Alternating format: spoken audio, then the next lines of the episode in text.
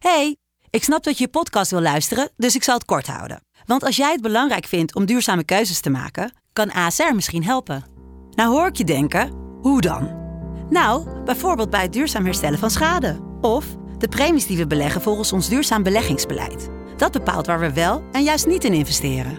Wil je meer weten over welke duurzame keuzes ASR maakt? Ga dan naar asr.nl slash duurzame keuzes. ASR doet het. Zo, dan kan je nu lekker naar je podcast luisteren. Het scheidt aan iedereen, ik kwam over mij. Ja. Wat een doel had en eh die doel was eh, de wereld vergroten. Je kan wel een, eh, een prijs winnen van 100.000 euro, maar er gaat wel eh 52.000 euro naar de belasting. Hè. Plus, ik heb slim geïnvesteerd. Ik heb twee huizen gekocht en eh, snap je, dus ik heb niet mijn geld eh, verbrast. Rico Verhoeven vocht daar, Alice, of, Remo Bojaske vocht daar zijn afscheidswedstrijd, Peter Aert vocht daar. Maar ik had de hoofdpartij, de wereldtitel. Die sloeg ik knock-out in de laatste twee seconden van de wedstrijd. Ik zie me zo in de ring staan en kijk ik zo naar boven en dan denk ik van, pff, vuilnisman, door- alles gaat in één keer door Ja, je heen, weet je wel. ja. Dan denk je in één keer van, yes, ik heb het gemaakt.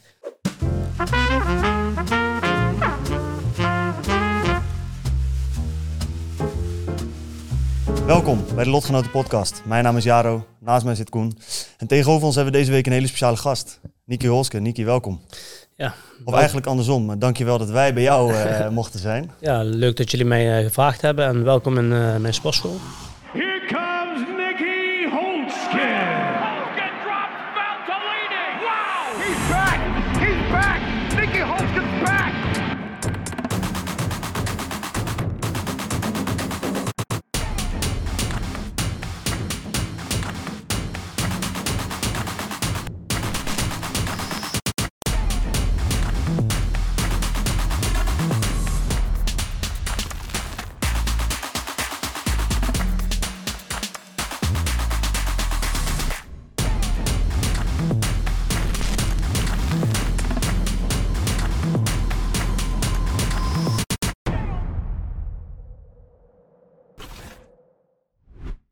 Hoe lang eh, is dit nu al echt de Team Holske gym? Ja, ik denk eh, dat we tegen de tien jaar aanlopen dat ik eh, met kickbox hier ben begonnen. Het was eerst Golden Glory, Golden Glory Helmond. Ik trainde vroeger bij Golden Glory in Breda. En mijn oude manager toen, die zei toen ik hier een eigen sportschool ging beginnen van ja, maak het dan Golden Glory Helmond. Want Golden Glory heeft wereldwijd al een heel gevestigde naam. En dan heb je meteen al een voorsprong. dat heb ik toen gedaan. Toen werd ik wereldkampioen en toen zei mijn schoonvader Niki, ik zal als ik jou was eh, je eigen naam erbij gaan gebruiken. Dat is veel mooier. Nou, en toen ben ik eh, Team Holske begonnen. Ja, ja, mooi man. Want jij eh, vecht al echt een gigantische tijd volgens mij. Want hoeveel jaar ben je nu echt actief professioneel vechter? Professioneel, ik ben, ik heb, ben met mijn tien begonnen tot mijn dertien. Even gestopt geweest een paar jaar. Ben ik met mijn 17 weer begonnen. En ik was met mijn 19 zeg maar professioneel. En, dan, en met mijn 21ste kon ik ervan leven. Dus van mijn 21ste tot eh nu 39, zo lang ben ik al eh, betaald eh, professioneel vechter. Kijk, mooi man. Mooi. En, want dat vind ik een interessant stuk om op in te zoomen. Hè. Je zegt op je 19e ging je eigenlijk professioneel vechten, maar op je 21ste kun je er fulltime van leven. Dan heb je dus drie jaar dat je eigenlijk enerzijds professioneel sporter bent en daar alles voor moet doen en laten wat je moet doen om daar de top te bereiken. Ja. Maar tegelijk ook waarschijnlijk werk of dingen had om te zorgen dat de brood op de plank bleef. Ja, ik werkte toen op de bouw en eh, ik had heel zwaar werk. Ik deed eh, slopen, zeg maar renovatie, zeg maar badkamers slopen, muren eruit breken en opruimen. Dus dat was fysiek heel zwaar werk, maar ook meteen een stukje soort van fitness. Zo beschouwde ik het maar. Ja. Want Ik wist toch dat ik echt mijn doel eh, was om wereldkampioen kickbox te worden en ervan te leven. Dat was mijn droom. En eh, ja, toen ehm, heb ik een keer hier, op, waar we nou zitten, heb ik een keer een wedstrijd gebokst. Gewoon bokswedstrijd. Ja. En die jongen die pompte ik er meteen uit in de eerste twee rondes. En toen waren er een paar mensen hier aan het kijken. En die zaten hier bij ons in de kantine wat bier te drinken naar, naar, de, naar het event, zeg maar.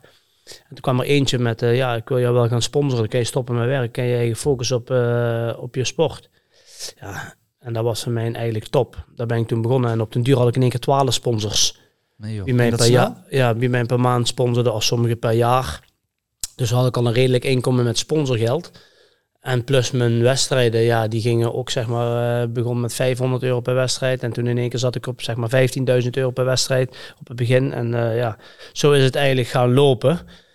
En eh, ja, ik ben heel trots op eh, dat ik dat zo bereikt heb, zeg maar. Snap ik man, Ja. snap ik. Is dat dan ook normaal? Hè? Dus om 12 sponsoren te krijgen in één keer, dat is toch... best wel speciaal als je dat in één keer aangeboden krijgt. Ik weet niet of dat normaal is, maar ik weet wel dat het eh, niet normaal is dat ik op den, op den duur eh, zoveel ging winnen en alles op knockout won. En, eh, dus dat was wel misschien een speciale talent en wat naar voren kwam. Ja. En waar mensen wel aansprak, zeg maar. Want als ik bijvoorbeeld, ik moest in de Amsterdam Arena vechten. En dan gingen er vanuit, was voor 32.000 man tegen Jury Mes. En dan gingen er vanuit Helmond gingen er misschien wel 500 man mee of zo. Met allemaal stadsbussen met eh, vlaggen erop. En ja, dat was echt eh, super, super gaaf. Dus eh, ja, ik denk dat ik eh, ja, het zelf wel een beetje ook gedaan heb door mijn wedstrijden te winnen. Ja. Ja. Kreeg je toch een soort van aantrekkingskracht naar andere merken en bedrijven die met jou samen willen werken. Begrijp ik wel. Was die support altijd al zo groot? Ja, vanaf, vanaf dat ik in de krant begon te staan, zeg maar, toen ik nog niet ervan kon leven, toen begon ik al hier in Helmond echt een grote fanbasis te krijgen. Ja, en op den duur, eh, ja, ik won heel veel op spectaculaire manier op het begin, zeg maar. Heel veel, ik ging altijd voor de KO en eh, ik won ook heel veel op KO. Ik kon ook wel eens een keer verliezen, maar ik won bijna altijd op knockout. En ja, dan krijg je snel eh, een naam, zeg maar. Dat is een lopend vuurtje in Nederland. Hè. En je had toen van die, van die vechtsportforums op eh, internet. Die zijn allemaal al weg, zeg maar. Maar vroeger waren er een paar. En dan zag je, ja, ik keek daar veel op, maar dan zag ik wel elke dag mijn naam voorbij komen. En dat was goeie, in, in het goede en ook in het slechte van de haters natuurlijk. Maar daar werd constant over gepraat, weet je wel. En eh, ja, ik moest me eigenlijk, eigenlijk nog bewijzen. Ik sloeg ze wel allemaal nog koud, maar ik moest eigenlijk nog een keer eh, toppers eh, eruit eh, slaan. Ja, toen kwam mijn kans om tegen een grote held van mij te vechten, Yuri Mes van Mike's Gym. Als je Mike's Gym zijn logo kijkt, dat hoofdje, dat is het hoofdje van Yuri Mes. Dus dat was echt hem zijn, eh, zijn begin, eh, zijn, zijn, ja, zijn topper, zeg maar. Ja, ja. Ja, waar hem zijn sportschool groot mee geworden is. Buiten Badahari natuurlijk. Maar Ja. wat, en eh, ik moest toen tegen hem vechten in de Amsterdam Arena. Ja, en ik sloeg hem toen knock-out in de tweede ronde. En ik sloeg eigenlijk mijn, eh, ja, een beetje idool, zeg maar, eh, waar ik tegenop keek. Dat vond ik een vette vechter. En eh, ik had hem thuis, toen woonde ik nog thuis, had ik hem ook op mijn, op mijn deur hangen en zo. En, en toen in één keer stond ik daar zelf tegen in de Amsterdam Arena op It's Showtime gala voor 32.000 man. Ja, dat was bizar dat ik hem eruit sloeg. Ja, en vanaf die, vanaf die moment ging het, De lucht ja. ging het echt... Hoe was het dan je voorbereiding? hè? Want het, het is je grote held. Hij staat op je deur. Ja, Dus je ziet hem eigenlijk elke dag. ja. Is dat anders dan met andere vechters? Ja, eh, dat is wel anders, ja. Je kijkt er naar uit om, eh, om eh, zoiets te bereiken wat die gast bereikt heeft. En dan in één keer pomp je, pomp je hem naar koud. Van, de, van tevoren denk je nog niet van je eigen dat je goed en sterk en dit bent. Maar na die wedstrijd dacht ik van, ja, laat nou iedereen maar komen. Nou ken ik ieder, heel de wereld aan. En dat heb ik ook laten zien dat ik iedereen verslagen heb daarna. Dus dat heeft me wel echt een boost gegeven, zeg maar. Ja, nog, eh, nog beter te gaan doen als wat ik het toen al deed. Zat. Heb je in het begin ook momenten gehad dat het lastig was? Dus in principe zeg maar, je bent aan het werk, je bent fanatiek aan het sporten, waarschijnlijk een stuk fanatieker aan het vechten dan de meeste mensen om je Mhm. heen. Maar in het begin is het totaal niet duidelijk of jij, jij zegt ik wil mijn centjes hiermee verdienen, maar er zullen vast ook mensen die zeggen, ja jongen, er zijn heel veel mensen die dat willen. Ja. ja, ik heb echt altijd heel sterk in mijn eigen geloofd. Ik heb nog niet één keer in mijn vroegere jaren, zeg maar, toen ik nog niet getrouwd was en nog thuis woonde, nog niet één keer gedacht van dat ik het niet ging bereiken. Ik heb altijd gedacht van, dat werkte, ik moet voor mijn vader werken. Ik had liever thuis gebleven dat ik alleen maar kon trainen, maar dan had ik geen geld. Maar ik moest werken voor mijn vader en ik had alleen maar zo'n gevoel van, de werk is maar tijdelijk. Dit doe ik gewoon, eh, ik heb achter de vuilniswagen als eerste gewerkt. Maar dat zag ik gewoon als conditietraining. Dat ik heel dag moest Echt waar, lopen. ja? Zo Hoe zag oud ik was je? Ik was 17. was 17, ja. Ja. ja, ja. En eh, ik heb echt alleen maar constant gedacht van dit is conditietraining, vanavond trainen. Dus al het werk wat ik moest doen, toen ging ik in één keer slopen. Toen dacht ik van, oh, dus je wordt sterk van, weet je wel? Dit is een krachttraining. Ja. Dus ik heb werk alleen maar gezien als, eh, eh, als omdat het moest en dat ik geld moest hebben. Maar mijn doel was om wereldkampioen te worden. Daar heb ik echt kei en keihard in geloofd zelf. Ja. En nog steeds geloof ik dat ik de beste ben. Dus eh, zo blijf ik gewoon denken. Dat is denk ik ook nodig toch? Om Ja, die hoogtes te behalen. Zeker, ja. Heeft jouw zoon, heeft hij die dat ook? Want die vecht natuurlijk ook. Heeft hij nu al, wat jij bij jezelf herkende, hè, dat je altijd dacht van ik ben de beste, zie je dat bij hem ook terug? Eh, nee, dat zie ik nog niet echt eh, terug bij hem. Maar ik denk wel zeker dat hij een van de beste ter wereld kan worden. Ja. Maar hij komt weer uit een heel ander milieu als ik. Ik heb keihard meegemaakt voor ik had een beetje slechte thuissituatie. Vader en moeder uit elkaar en een hoop ellende in de privésfeer, zeg maar. En mijn zoontje heeft hij helemaal niet. Die heeft een eh, vader en moeder, zusje. Heeft gewoon een, een gezonde thuisbasis. Eh, alles is er wat hij nodig heeft. Eigenlijk een beetje verwend. Ook ja, ja, dat zeg ik gewoon eerlijk. En dus ik heb altijd een, eh, een hij zal nooit geen vuilnisman worden, zeg maar. Nee. En ik, en, eh, ja, ik, ik ben met mijn eh, 16 van school afgeschupt. Eerst met mijn 9. Toen moest ik naar een speciale school voor moeilijke kinderen. Smokschool. Smokschool, ja.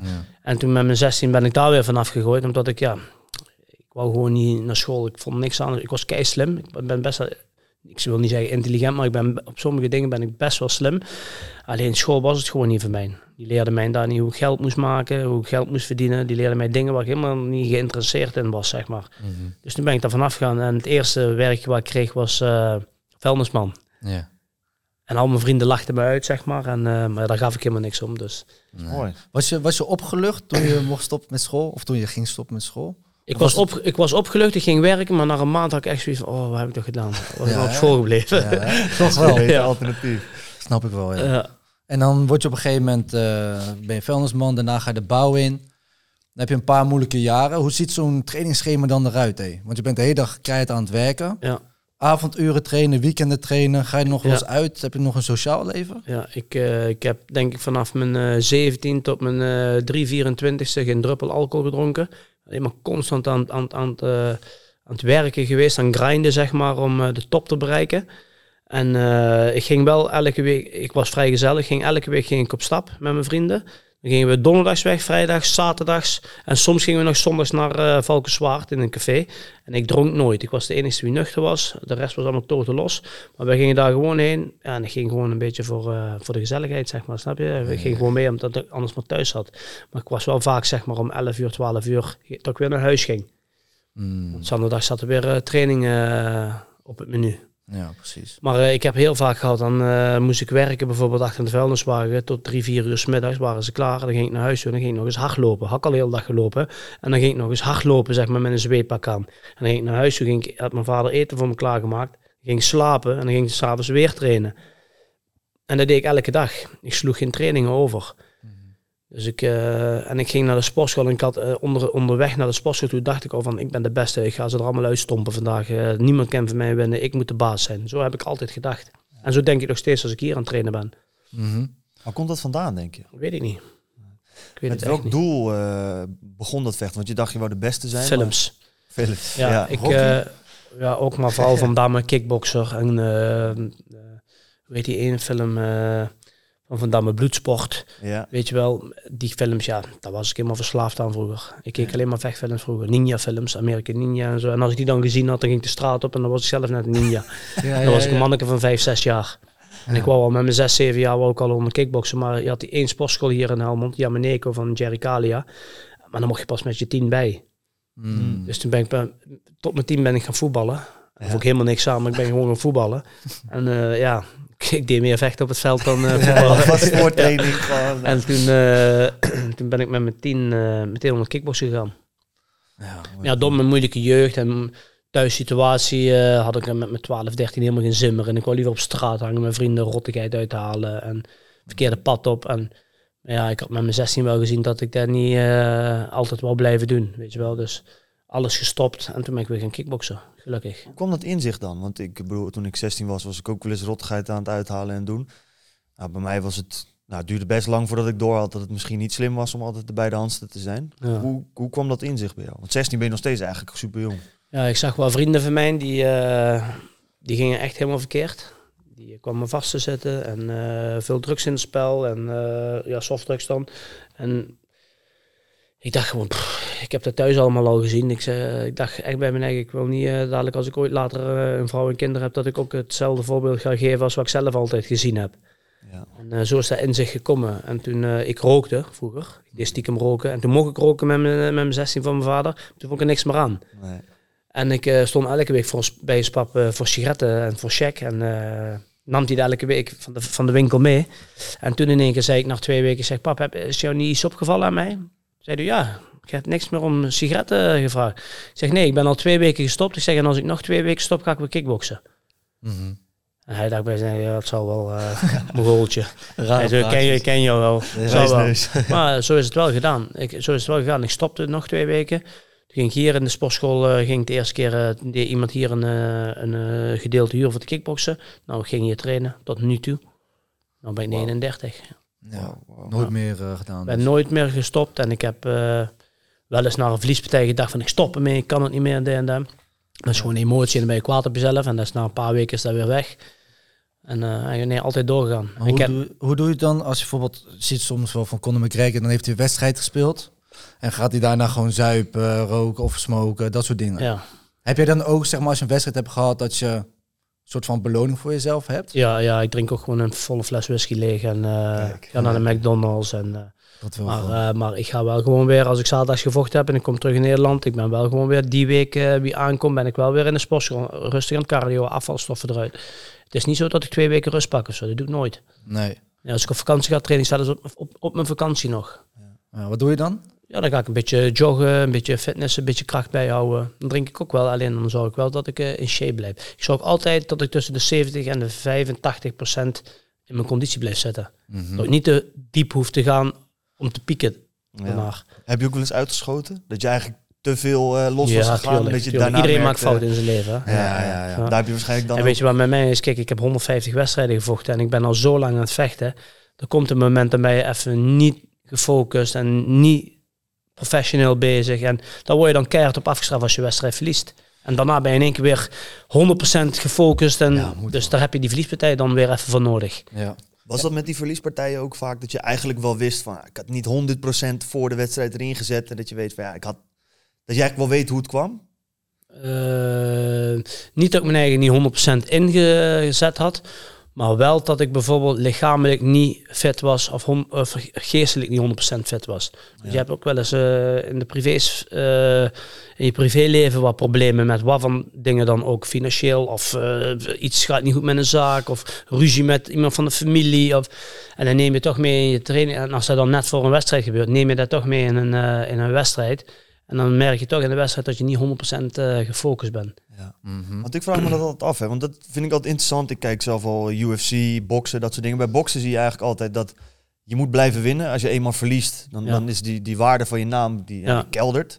Bij de UFC zie je eigenlijk best wel dat je prima, je kan verliezen. Adesanya dit weekend, hij verliest een Ja. partij en dan eigenlijk is die redemption die hij daarna heeft, is Ja. alleen maar meer waard. Ja, zeker. Bij kickboksen heb je dat ook wel. Hoe ga je daarmee om? Dat als je ergens vol gaat, bijvoorbeeld jij begon bij K1, je wint drie partijen. Ja. Nou, dan ben je eigenlijk heel dicht volgens mij bij dat doel wat jij altijd al had van wereldkampioen worden. Ja. En dan, dan lukt dat niet. Wat gebeurt er daarna mentaal met je? ja, dan moet je echt in sterke schoenen staan, eh, wil je daar eh, weer uitkomen. Want ik eh, ben vijf en een half jaar ongeslagen geweest toen ik bij Glory vocht. Ik had zeven wereldtitels gehaald. Ik had 25 of 26 partijen achter elkaar gewonnen in die vijf jaar, zeg maar. En toen verloor ik de eerste keer van Doembe op punten. En toen verloor ik weer van Doembe en toen verloor ik weer van Alim Nabiev. Waar helemaal nergens op sloeg, want ik wist dat ik veel beter was. Alleen, ik zat hier niet goed in elkaar. Mm. Ik, ik, ik, ik trok mijn eigen te veel aan van de media. Dat ze zeiden van, eh, ja, het is voorbij met hem. Hij is oud, hij is zus, hij is zo. Trok ik mijn eigen aan en dan ging ik geloven. En dan neem je daarmee de wedstrijd in. En toen ben ik gestopt bij Glory en dat is het beste wat ik gedaan heb. Want ik eh, stopte bij Glory. Ik zette op eh, mijn social media dat ik weer een vrij agent was om eh, op een andere organisatie te vechten. Bij Glory alles gehaald wat ik eh, behalen wou. En toen kwam One Championship op mijn pad. En eh, ja, toen had ik een, eh, een debuut. Dat is gewoon, gewoon een killer debuut tegen Cosmo Alexander. Ik sloeg hem knock-out met die opstoot. En toen was ik weer helemaal terug. Maar dan zie je ook weer de mensen, de schapen zeg maar. Die zeggen dan weer, oh hij is weer terug. Oh wat een topper. Oh. En dan denk ik bij mijn eigen, ik moet daar helemaal niet naar luisteren. Want het zijn alleen maar mensen die denken dat ze het weten. Maar ik moet alleen maar luisteren naar mijn vrouw, naar mijn, naar mijn team, naar mijn gezin. Mensen die echt van mij houden. Die weten hoe het met mijn eh, gesteld staat, zeg maar. Ja, en vanaf die tijd ben ik eh, weer sterker geworden. Ja. En ik verloor drie keer achter elkaar. En drie keer verliezen. Als je zeven keer wereldkampioen bent en vijf jaar niet verloren hebt. En dan drie keer achter elkaar verliezen. En dan weer terugkomen. Dan moet je van goede huizen komen. Ja, daar heb je kracht voor nodig. Ja. Ja, lastig wel. Lucht dat dan op als je dan eenmaal weer wint? Of Ja, heb je eigenlijk dan meer zoiets is van... ja, hetzelfde wist wat het. Adesanya afgelopen weekend zegt. Jullie moeten, eh, wat hij in de octagon zei toen, hij vroeg aan Joe Rogan de microfoon om iets te zeggen. En toen zei hij van mensen, je moet eens even je eigen inbeelden in mijn geluk, hoe ik mijn eigen nou voel. In my happiness, zei hij. Hoe ik mijn eigen nou voel. Hij zei, stel je eigen eens voor dat je drie keer van iemand verliest en je slaat hem nou knock-out. Hij zei, je moet eens even nadenken hoe gelukkig ik mijn eigen voel. Dat had ik toen ook. Ja. heel de wereld, eigenlijk de vechtsportwereld, de media, die was tegen mij toen ik eh, drie partijen elkaar verloor. Ah, hij, hij is niks meer, hij is oud en zo, zo. En dan kom je in één keer weer op zo'n manier terug tegen een vechter wie 100 miljoen keer sterker is als een Cosmo Alexander of een Ali Nabiev. Dat kan je niet eens vergelijken. Snap je? Dat kan je niet eens vergelijken. Cosmo Alexander is gewoon een, een Braziliaanse killer. Net zoals die Potan eh, waar die eh, dingen van won, die Adesanya. Zo'n type was hij ook. Die, die, die, die vermoordde iedereen in de ring. En, en ik sla hem dan zo knock-out en dan na drie verliespartijen. ja, Dan voel je je eigen gewoon, ja, top. En die nacht was ook alles top. We gingen naar een afterparty op het hoogste gebouw in Singapore. En alles kan dan, snap je? De, Ja. Je voelt je eigen dan gewoon de koning van Singapore op dat moment. Snap ik wel. Kan Echt, eh, dan kan er niks kapot. En hoe zit het dan met, ehm, met je geld wat je daarvoor krijgt? Want je verliest drie keer achter elkaar. Ja. Is het dan ook zo dat ze elke keer dan de helftje nog maar gaan betalen? Nee, of hoe gaat nee weet je wat het is, jongen? Ik zeg heel eerlijk, ik heb zo'n goede naam opgebouwd in die 20 jaar. Ja. Ze, ze, ze betalen mij eigenlijk niet meer voor mijn wedstrijden. Ook wel, maar ze betalen mij eigenlijk meer voor mijn naam. Ja. Ja. Ja. One Championship, die wou mij zo graag hebben toen ik bij, eh, bij Glory wegging. Want One Championship was de enige, de baas van One Championship, Chatri, die zei tegen mij... Niki, wat hebben ze jou slecht behandeld bij eh, Glory? Het is niet eerlijk gegaan zoals het had moeten gaan. Jij werd te duur voor hun en daarom hebben ze jou laten verliezen. En dan konden ze die andere jongens, voor jouw geld wat jij kreeg, konden ze hem tien keer laten vechten. Echt waar? Ja. Zo zei ze tegen mij, de baas van, eh, van eh, One. En daar heb ik ook een hele goede band mee. Dus eh, ja, Zo raar, ja. Hoe, zeg maar, in die wereld hè, van, van sport, hoe bouwt dat zich überhaupt op? Zeg maar, als je kijkt, ehm, er zijn best wel wat vechters in bijvoorbeeld de UFC. Eh, er, is best wel veel te doen om fighter pay, hè, van hoeveel krijg je nou betaald? Volgens Ja. mij is nu, eh, hoe heet die, die heavyweight champion is nu ook pleiten gegaan, omdat hij niet tevreden was. Eh, zijn naam Ngannou. kwijt. Ngannou, ja, ja. die is ook weggegaan. Aan de andere kant zie je dat er nu een besef begint te komen door, nou, Floyd Mayweather doet dat al langer, maar ook een Jake Paul, dat eigenlijk in boksen, of in vechten in het algemeen, de naam die je opbouwt en de hype die je kunt creëren rondom een gevecht soms belangrijker is dan echt de kwaliteit van het Ja. gevecht. Heb jij daar bewust, ben je daarmee omgegaan in je opkomst of was het, kwam dat natuurlijk? Eh, ik ben daar eigenlijk, eh, en dat is heel jammer, ouder voor. En ik kom uit een andere generatie van gewoon opwarmen, handdoek om je nek en gewoon iedereen naar koud slaan. Ja, En, en, en pas zeg maar een jaar of tien geleden, toen Conor McGregor kwam, toen is pas eigenlijk eh Conor McGregor en Tyson Fury, die twee, toen is eigenlijk pas echt het trash-talk eh, begonnen, weet je wel. ja, ja. Ik ben er nooit in meegegaan, want ik ben niet zo'n type. Nee. En ik ga mijn eigen niet anders voordoen dan ik, dat ik ben, omdat iemand anders daar nou zo- zoveel geld mee verdient. Ik verdien ook goed, snap je? Dus eh, waar ben je tevreden mee? Ja. Snap je? Wat is dan een vechter eh, waar jij nu, die nu actief is, waarvan je zegt van ja, dat vind ik echt een tof persoon of een toffe vechter om naar te kijken hoe die doet en de dingen aanpakt? In welke sport? Ja, ik ben benieuwd of dat, of dat verschil maakt. Of je, bijvoorbeeld of je zegt bij de UFC of, of dat allebei. je, Eerst UFC en dan... eh, als je heel specifiek per sport hebt, ben ik ook wel benieuwd. Bijvoorbeeld in boksen. Ja, ik ben juist echt helemaal, eh, helemaal kapot van die Alex Pereira. Ja, Ja. En ik echt gewoon echt, een, hij, hij verliest nou, maar ja, oké, dat kan. Maar als je zag hoe hij stond te vechten, hij verliest wel, hoe hij stond te vechten, hij laat gewoon zien dat hij 15 keer fysiek sterker is. Het is gewoon, ook hoe hij eruit ziet, het is net een Indiaan, het is gewoon een moordenaar. Ja. Snap je? En eh, daar hou ik, ik hou ook van. Ook Adesanya, die zijn stijl, hoe die vecht, heel mooi. Alleen ik vind hoe die praat in de, in de, in de media en zo, pff, het is net een stripfiguur, snap je? Dat vind ik helemaal niet eh, leuk om naar te luisteren. Alles met van die handgebaren en ik hou er niet zo Je van. houdt niet van de animatie. eh. Pff, helemaal niet. Nee, echt helemaal niet. Nee, nee. En in de boksen dan vind ik, eh, vind ik eh, Tyson Fury vind ik helemaal te gek. Gewoon Ja. om zijn persoonlijkheid, wat hij allemaal meegemaakt heeft, zijn verslaving, eh, het gewicht wat hij heeft gewogen, zelf weer helemaal teruggekomen. En dan hoe hij teruggekomen is, vind ik helemaal mooi. Deontay Wilder, die, eh, die zegt één keer iets op eh, social media van, oh, hij is, eh, hij is finished, eh, hij kan niet meer, hij is uh, te dik, die kan niet meer terugkomen. Hij is teruggekomen, heeft hem gewoon drie keer verslagen. ja. En dat was echt een moordenaar ook, die Deontay Wilder. Als hij je raakt, dan, dan is het ook eh spacetime, zeg maar. Ja. En hoe hij dat dan aangepakt heeft, geweldig. Ja. Het is wel bij de- Deontay Wilder vind ik ook zo'n mooi voorbeeld van, of ja, het is niet een mooi voorbeeld, van iemand die op een gegeven moment mentaal gebroken is. Ja, Want hij was echt de top van de top. ja, Ja, toen heeft Tyson Fury hem eigenlijk, eh, ja, in het begin was het een beetje zeker, maar daarna mishandeld. ja. En nu is, ja, nu is hij een beetje kwijt gewoon, Ja. lijkt het. Kan je ons daar een beetje in meenemen? Van, volgens mij was eh Wilder ook best wel laat begonnen. Ik heb een keertje met jou een gesprek over Dat gehad. was eigenlijk een Volgens basketballer volgens mij. Hè? Ja, zo Ja, basketbal. Ja, klopt. toen hij 21, 22 was of zo, toen begon hij pas echt. En Klopt. toen is hij heel snel ook na een half jaar of zo is hij wedstrijden gaan doen. En dat is alleen maar eigenlijk alleen maar beter gegaan. Ja.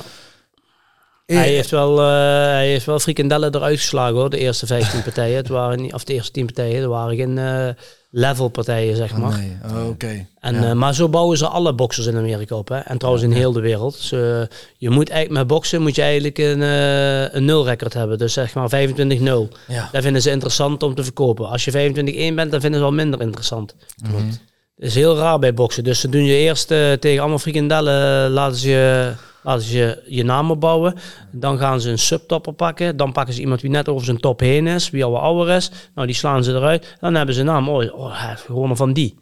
Snap je? Nou, en dan gaan ze tegen de top en dan moet je klaarmaken. Ja. Zo is hetzelfde zoals ze het nou gedaan hebben met eh, Ryan Garcia.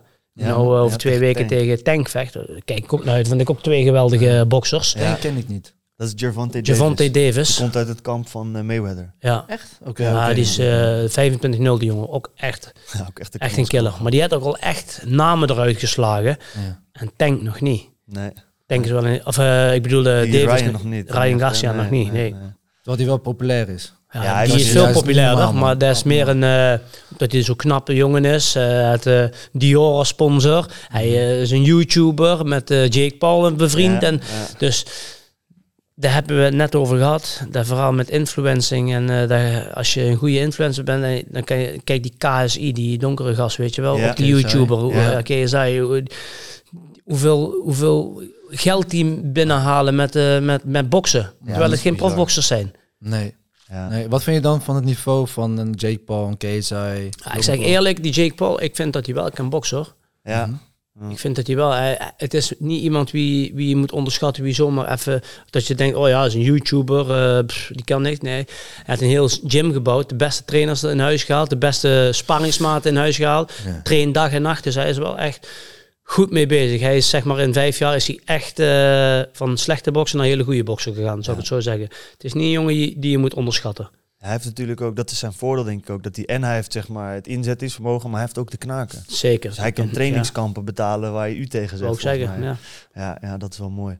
Hoe was dat begin voor jou eigenlijk? Hè? Want je bent aan het knallen, je werkt in de sloop. Dan, nou, ik weet niet hoeveel je daar verdient, maar het zal niet gigantisch veel zijn. Bij de sloop, Ja, dan kreeg ik 17,5 of zo ja eh, per precies. maand. Ja, precies. Nee, dus dus dat- kapot dat- voor werken. houdt niet over.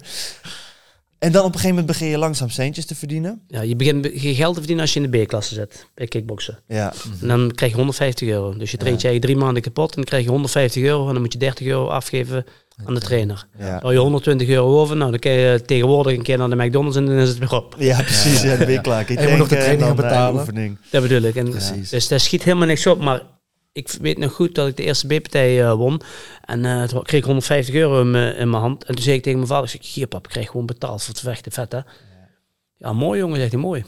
En nou, 15 B-partijen gevochten. Toen ging ik naar de A-klasse. En toen kreeg ik mijn eerste partij kreeg ik 500. Mm. En ik vocht om de 5, 6 weken vocht ik een wedstrijd. Snap je? Ik, ik wou heel veel vechten. eh. Ja. Maar ik sloeg iedereen knock-out. Of in ieder geval, van de 10 partijen sloeg ik er 8 knock-out. Dus ging heel snel, ging mijn eh, waarde als vechter omhoog. Ja. Als ik kwam, kwam ik meteen met 80, 90 eh, bezoekers. Daar vonden de promotors ook lekker. Daar ze ook geil van. Eh, oh, die neemt veel mensen mee, dat brengt geld op. Ja, ja. Snap je? Dus, eh, en toen ging ik van sportschool verwisselen. Toen ging ik naar een sportschool waar de beste sportschool ter wereld was, Golden Glory. Daar zat Ramon Dekker en eh Cor Hemmers was daar de trainer. En Nicky Hemmers trainde ik veel mee. Gokon Saki, Errol Zimmerman, eh Alistair Overeem, Sam Schild. Alle grote namen. De stal der stallen, zeg maar, in, eh, in heel de wereld. Ja. Iedereen was bij Golden Glory. Ze kwamen ook van heel, heel de wereld naar Breda toe gevlogen. En ik was 500 gewend voor een wedstrijd. En toen zei Ramon, ah, Niki, kregen voor jou over zes, weken een wedstrijd. Zorg dat je klaar bent. Goed trainen nou. Ik zeg, ja, is goed. En toen kwam die wedstrijd. eh, ik zeg, wat, wat krijg ik voor deze wedstrijd, eh, Ramon? Hij zo, eh, ja, ik heb vij- 1500 gevraagd. Toen kreeg ik in één keer 1500. Dus ik, ik switchte van sportschool. En in één keer had ik van 500 kreeg ik naar 1500. Ja. Ja. En in een jaar tijd zat ik in één keer op 7.500. ja, dan wordt het leuk. En nog steeds elke zes weken of elke twee maanden een Ik vocht elke twee maanden, ja. Ja, ja. En wat gebeurt er nou als je echt klappen krijgt. Hè? Een paar klappen op je hoofd. Je merkt van oké, daarna dat je wat duizeliger bent. Alsnog gewoon na die maand of twee maanden gewoon weer wedstrijd en doorknallen. Ja, maar daar had ik niet veel meegemaakt. Nee, hè? Dat Op het begin goed maakte dus. ik het niet meer. Ik maakte het pas mee. Toen was ik al eh, echt... eh, toen begon ik echt top te worden, zeg maar. Toen moest ik voor de wereld te vechten. En toen kreeg ik de eerste keer een TikTok neerging tegen eh, Alvia Lima. Ja. Dus toen kreeg ik één linkse hoek en toen ging ik neer. En toen stond ik op en ik wou doorgaan. De scheidsrechter zag dat het genoeg was. En toen was het genoeg. Mhm. Snap je? Dus hij beschermde mij. Misschien ook wel goed. eh, maar, maar goed, dat was de eerste keer dat ik dat meemaakte. Dus het was niet echt een knockout, maar het was neergaan, opstaan en niet meer verder kunnen. Ja. Maar je voelt er helemaal niks van, want eh, je, je maakt een combinatie. In één keer kijk je naar, de, naar het licht in in het plafond en dan sta je snel op. En dan denk je van, oh, verder gaan. En de scheidsrechter stopt mee. En je, je snapt nog steeds niet goed wat er gebeurd is. Nee, Ja. nee. Maar dat viel eh, mij ook altijd het meest op. Ik heb ook een tijdje gebokst. Inderdaad ben ik ook een keer plat tegen de grond aan geslagen. Dat ik heb knock-outs geslagen worden doet niet echt pijn. nee, nee. Het Maar, is meer dat je gewoon ineens denkt, oh. Maar ik zeg wel, van die wedstrijd had ik het meeste geleerd van heel mijn carrière. Ja? Want ik was altijd een knock-out vechter en ik wou echt vanaf seconde 1 meteen bam, bam. Ik wou iedereen pijn doen, knock-out slaan. Maar daardoor was ook mijn dekking altijd wel lager en ik haalde aan en zo. En toen ik tegen Lima gevochten had, daarna ging ik in één keer gesloten dekking, rustige vechten, meer ontwijken, eh, op afstand vechten. Het werkt tien keer slimmer. Dus eh, Lima, bedankt hè. Nee, Kijk, goede zaak. Had je dat vanaf het begin al? Had jij toen jij voor het eerst de sportschool inkwam, dat mensen al zeiden, die jongen snapt iets aan het vechten? Of had je eigenlijk helemaal geen talent? Sorry, wat bedoel je? Had je zeg maar, want je begint op een gegeven moment, oh, je begint op een gegeven moment met boksen. Had jij in het begin al talent? Dus jij komt de sportschool in en jij gaat voor het eerst wat stoten doen. Zien mensen dan van, hé, die jongen, daar zit wel wat in? Of was je echt maar wat aan het doen? Je moet het maar eens aan mijn schoonvader, eh, chef Weber, vragen. Die vertelde altijd tegen iedereen. Ik kwam de eerste... Ik trainde bij Camaro Gym, kickboksen. En chef die had hier een bokschool. Maar ik wou ook twee dagen in de week boksen. Omdat ik boksen goed vind voor basis van kickboksen. Dus ik ben vanaf het begin van mijn carrière altijd twee, weken, twee dagen per week gaan boksen. En ik kwam hier de allereerste training binnen. En toen is chef, nou is mijn schoonvader al 20 jaar, maar toen nog niet. En ik kwam hier binnen, hij was mijn trainer. Chef die is daarna is hij naar huis gegaan. Die zag zijn vrouw en hij zei, Wilma, dat is niet normaal. Ik heb nou, eh, vandaag is er iemand bij mij binnengekomen. Als hij bij mij blijft trainen, die wordt wereldkampioen. Heeft hij de allereerste training gezegd. Ja. Had hij dat ook tegen jou gezegd? Nee, Nee, nee, gewoon, heeft hij eh, pas eh, jaren later. eh, gezegd. Merk je dat zelf dan ook? Ik heb laatst een verhaal gehoord van J. Cole. Die zei bijvoorbeeld, eh, als hij ging basketballen, voelde hij gewoon van ja, ik kan hard trainen en dan word ik misschien beter dan een gemiddeld persoon. Maar als ik tegen de toppers moet, ja, dan word ik gewoon ingemaakt. Hij zegt, met rappen heb ik juist andersom. Daar deed ik gewoon mijn best. En ik versloeg zelfs mensen die al jaren aan het rappen waren. Merkte je dat dan zelf ook? Kijk, iemand anders kan het zeggen over jou, maar Ja. voelde jij dat zelf ook? Ja, ik merkte dat ik eh, overal waar ging trainen en eh, jongens tegen, van mijn eigen gewicht tegenkreeg, dat die eh, allemaal neergingen. Ja, En ik ben er nooit neergegaan. Afkloppen. Belangrijk. Op de sportschool. dat was voor Maar er zijn er heel veel tegen mij neergegaan. En ik kreeg altijd mee van Ramon Dekker. Hij zei, Niki, je hebt niet goed getraind. Ik zeg, hoezo niet? Hij zegt, je hebt niemand neergeslagen vandaag. En dat was mijn trainer, hè. Je moet gewoon iedereen neerpompen. Je moet overal, moeten ze zo van jou doen als je er tegen moet sparren. Je moet je kracht laten voelen, je moet gewoon neerpompen. Dat is allemaal bang van je worden. Als je dat hier doet, doe je het in de wedstrijd ook. En dat is me altijd bijgebleven.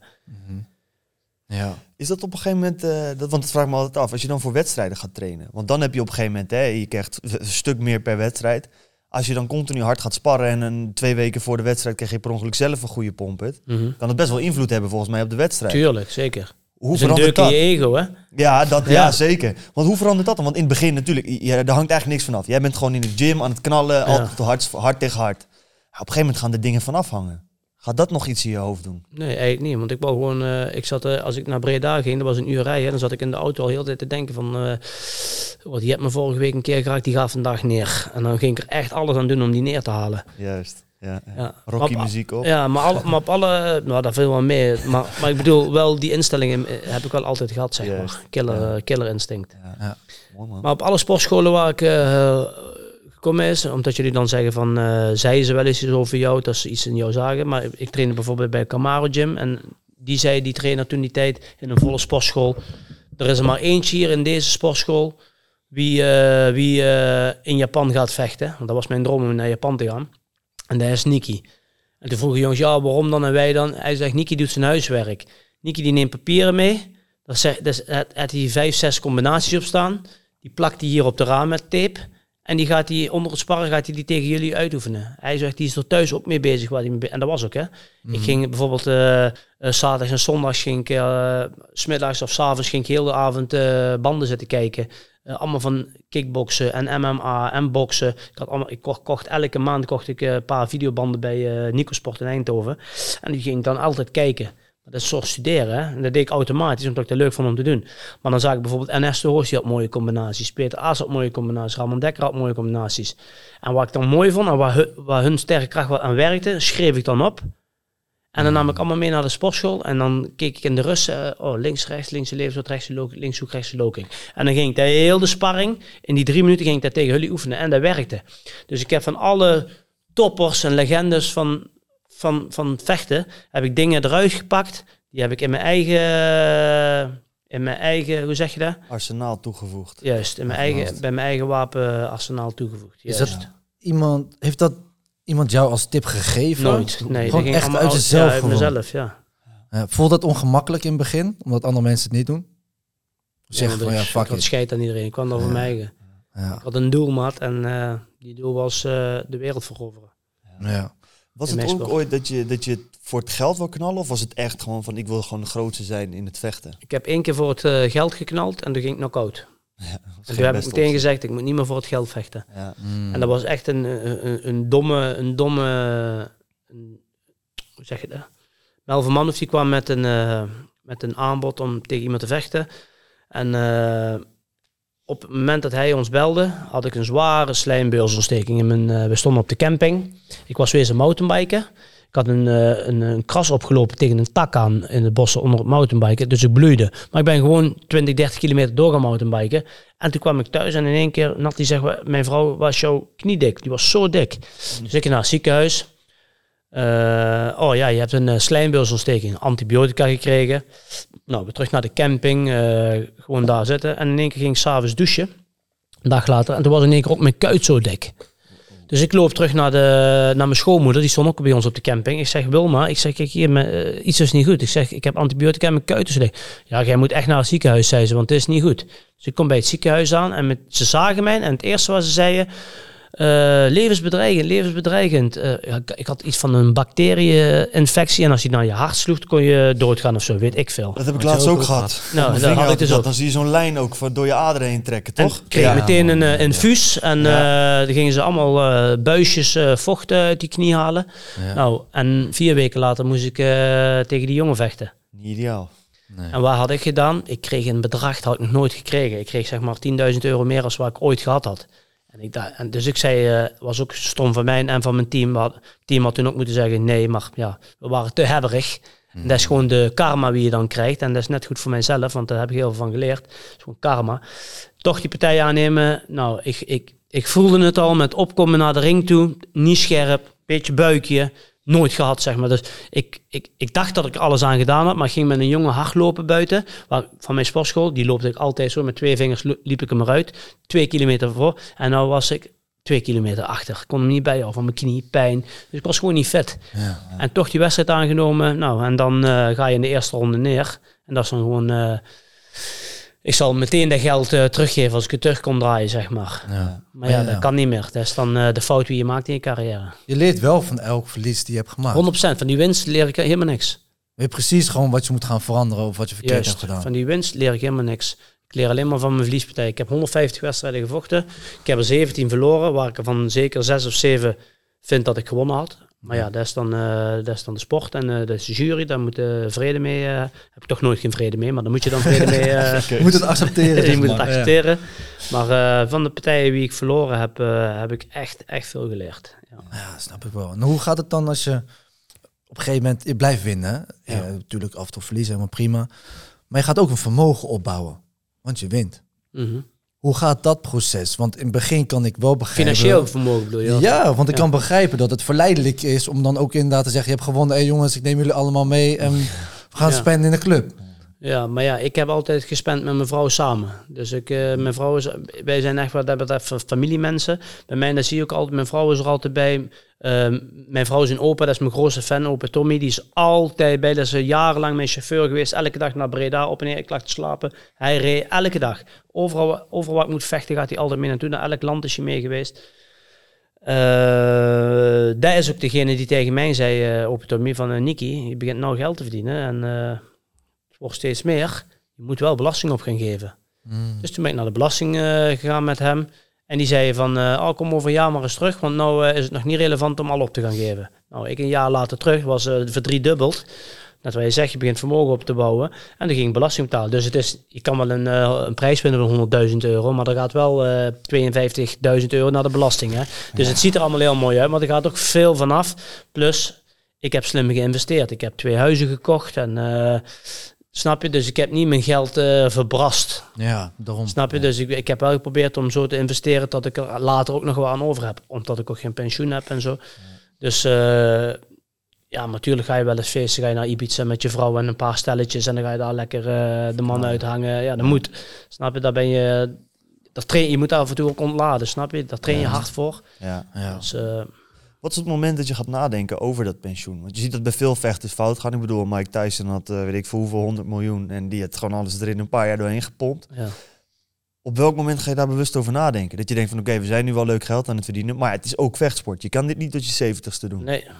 Hoe, wanneer ga je erover nadenken? En wat ga je dan doen? Je zegt net al een beetje van, nou, ik koop wat huizen en dingen. Waar ga je dan op focussen? Waar ga ik op focussen? Ja, ik ga op focussen. Ik heb een contract. Ik heb het beste contract wat ik in mijn hele carrière gehad heb. Voor mij is het heel moeilijk om te zeggen, jongens, houden. Want dan uh, van de sportschool, ja, daar kan je wel van leven. Maar dan moet je niet uh, aan de bedragen denken waar je met kickboksen krijgt. Dus is... Mensen kunnen wel zeggen, ja, hij wordt ouder, hij moet ermee stoppen. Maar als ze weten waar ik verdien, bijvoorbeeld per, per wedstrijd en waar ik eraan overhoud en de mooie dingen die ik meemaak, de reizen naar Azië en hoe je daar als schot behandeld wordt. Het is ja, niet net zoals hier in Nederland, als je bij de bakken staat, dat ze jou niet kennen. Hè? Daar loop je en iedereen, uh, hoe is het, uh, foto, uh, handtekende, ja, super mooi, snap je? Het is ook wel mooi als je hier terugkomt, heel nuchter, maar daar is het, het je voelt je eigen toch wel specialer als je daar komt en, en vooral in, op zo'n arena aankomt met 20.000 mensen. Ja, dat is gewoon, en vooral als, ook nog, als je de hoofdpartij hebt, ze komen allemaal voor je kijken en ja, dat wil je niet gauw opgeven, snap je? Dus het is voor mij ook heel moeilijk om dat te gaan missen. Mm -hmm. Als ik dadelijk in één keer stop. Ja. Toch een stukje heimwee. Ja, dat is super mooi om allemaal mee te maken, snap je? Ja, ja. Winst of verlies, dat is gewoon super. Hoe lang denk je dat je nog blijft vechten dan? Ja, ik heb nu nog vijf uh, partijen op contract. Als die nog eens voorbij zijn, dan ben ik uh, misschien anderhalf jaar, twee jaar verder. Nou, dan ben ik op kant 41. Dan hou ik ermee op. Ja, ja. Als, ik moet, uh, of ze moeten zeggen, ja, wil je nog één keer dan? Snap je? Gewoon allerlaatste keer. Ja, ja, maar ik wil daar misschien ook nog wel één keer uh, bijvoorbeeld in Ahoy of Gelderdom of zo mijn afscheidswedstrijd vechten. Juist. Ja. Dat kan ik bij die organisatie kan ik dit niet, omdat dat in Azië is. Mm -hmm. ja. Dat ik daar mijn afscheidswedstrijd uh, vecht. En hier komt een Infusion, een Glory, een wie dan ook van de grote organisaties in, in Nederland. En die zeggen van, hé hey, Niki, de fans staan te springen, ze willen je nog een afscheidswedstrijd zien vechten. Kunnen we een deal maken voor één partij? Ja, kijk, misschien kan ik daar dan nog wel... Uh... En wat zou dan echt... Hè, je hebt die vijf wedstrijden gedaan, je wordt uitgenodigd voor die laatste wedstrijd hier in Nederland. Duizenden mensen. Tegenover wie wil je dan staan? Ja, dat is heel moeilijk. Het liefste dan wie op dat moment wereldkampioen is. Ja, ah, kijk. Ja, toch. Ja. Mooi, ja, ja. En die eruit stompen. Ja, kapot maken. Ja. Die eruit stompen, dan op je hoogtepunt stoppen. Ja, ja. Het lijkt me ook lastig inderdaad om niet op je hoogtepunt te stoppen. Dus voor je laatste partij dat je dan verliest. Ja, dus ja en dat zie je wel bij de meeste. Ja. ja. Bij de meeste die verliezen, die verliezen ze laatst partij. Gewoon omdat ze toch zijn eigen even willen bewijzen om tegen een topper te vechten. Mm -hmm.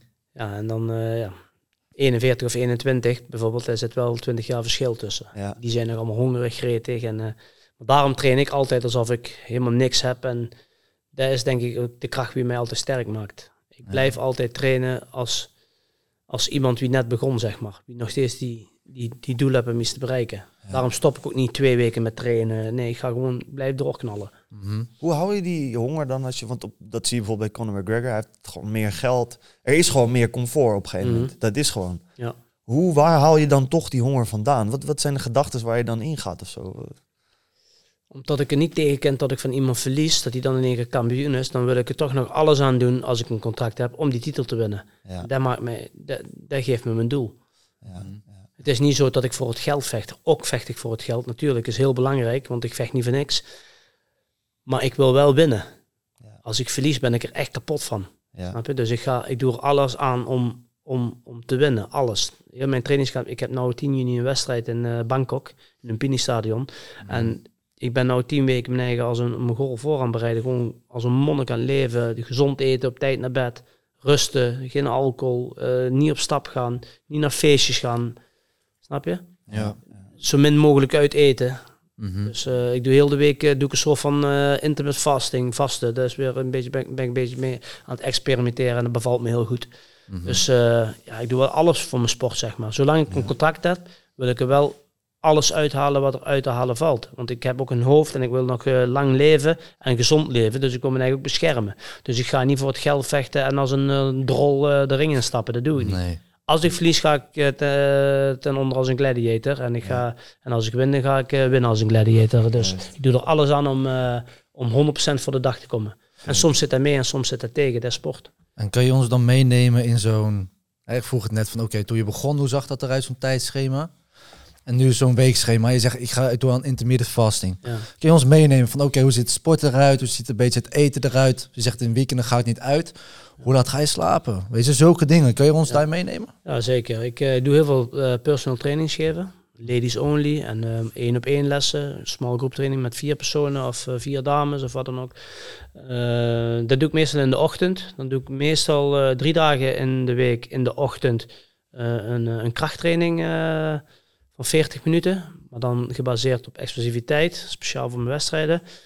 Dan ga ik naar huis, ga ik rusten, ga ik eh, beginnen met eten om 12 uur. Ik doe alles voor 12 uur, 's morgens die, eh, die groepstraining, die personal trainings en die ladies only. En dan ga ik om 12 uur naar huis, dan pak ik mijn eten, pak mijn havermout en banaantje erbij, blauwe bessen, mijn honing. Dan probeer ik te gaan rusten. Ik ben niet zo'n ruster, ik, ik, eh, ik ben al niet zo'n goede slaper, dus ik ben niet zo echt van 's middags naar bed gaan. Soms doe ik het wel als ik moe ben, maar ik ga dan liever bijvoorbeeld even 20 minuten een zonnebankje eh, pakken thuis of zo. En dan, eh, ja, nou, mijn laatste eten is dan weer om een uur of vijf, half zes. Dan ga ik naar de sportschool toe, want de sportschool is nou helemaal voor mij. Dan ga ik naar de sportschool, dan ga ik mijn recreanten trainen. Die trainen dan bijvoorbeeld van 7 uur tot 8 uur. En dan doe ik van 8 uur tot 9 uur is de wedstrijdgroep, kwart over 9. Nou, dan train ik zelf en dan doe ik geen lesgeven, doe ik mijn schoonvader eh, neemt dan de les over. Dan train ik zelf aan en dan ga ik naar huis toe en doe ik een beetje Netflix of zo met mijn vrouw. En dan eh, ga ik meestal om 11 uur, kwart over 11 ga ik naar boven. Zet ik daar nog even de televisie aan, kijk een beetje op de telefoon en dan als ik een beetje moe begin te worden, dan ga ik slapen. Dus eh, En wakker worden? Om? wakker worden, de, ik word al heel vroeg wakker voor te pissen. En dan ga ik even eh, pissen en dan kom ik terug, dan ga ik weer even liggen. En ik sta meestal eh, tussen 8 en half 9 op, soms ook 9 uur. Ligt eraan mijn lessen. Als ik bijvoorbeeld pas een les heb om 10 uur, dan sta ik meestal 9 uur, kwart over 9 op. En eh, kijk, weet je wat het is? Ik trainde eerst, vroeger trainde ik twee keer per dag. Maar nou dat je ouder wordt, moet je naar je lichaam luisteren. En dan is twee keer per dag trainen, dan ga je heel snel over, tegen overtraining aan. Dus ik doe nou meestal drie dagen in de week twee keer per dag trainen. En s'morgens een rustige training, s'avonds een harde training. En dan dinsdag en donderdag is onze, onze sparringsdagen. Doen we s'avonds sparren. Dan probeer ik heel de dag vrij te zijn, niks te doen. Gewoon te rusten, een beetje te gamen, lekker een filmpje kijken, rusten. En dan oplaaien voor s'avonds een echt een harde training. Nou, zaterdag 's ochtends ga ik van eh, half tien tot een uur of één, half twee heel de tijd personal training eh, doen op één volgend. Dan eet ik wat en dan ga ik hier altijd eh, mijn krachttraining doen en mijn conditietraining met de interval. En zo ziet mijn week er eigenlijk heel de week uit. Lekker. Dus Ja. intensief, maar ook relaxed. Ja, en zondags, z- zondags eet ik wat ik wil. Ja. Om mijn eigen weer een beetje te pleasen, zeg maar. En dan 's maandags begin ik gewoon weer hup, gezond eten. Proberen tussen, tussen 12 en 6 te eten en dan niet meer te eten. Dus pak ik ongeveer 17, 18 uur eh vasten. Dat probeer ik steeds aan te houden.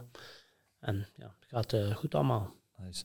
En dat sparren doe je hier ook in de gym dan? eh? Sparren doe ik hier ook en soms ga ik naar andere sportscholen om daar eh, Ja. even de beest uit te hangen. ja, want dat vraag ik me ook al van. Je hebt hier natuurlijk dan vechters lopen, maar dat zijn eigenlijk de vechters uit jouw gym. Ja. Die zullen wij waarschijnlijk ook wedstrijden doen. Ja. Als je met hun spart, dan denk je misschien ook, ja, straks ga ik mijn eigen wedstrijdgroep eh helemaal totaal los. eh, Ja, maar dat heb ik al vaak zat gedaan hoor. Maar daardoor zijn ze nou wel allemaal supergoed geworden. ja, ja, ja. Er zijn al een paar Europees kampioen. Eh Oké. Eén jongen van mij die vecht nu 29 april in eh, Dordrecht op Enfusion voor de wereldtitel. Die heeft in één jaar tijd heeft hij twee Europese titels eh, binnen we- weten te halen. Nou is hij uitgenodigd voor tegen een jongen de kampioen van Enfusion te vechten voor de wereldtitel. Nou, mocht hij die nou, hij is 26, mocht hij die nou winnen, dan eh, is weer een mijlpaal voor Team Holske. Weer een wereldkampioen erbij. Ja. Het is wel bijzonder dat jullie...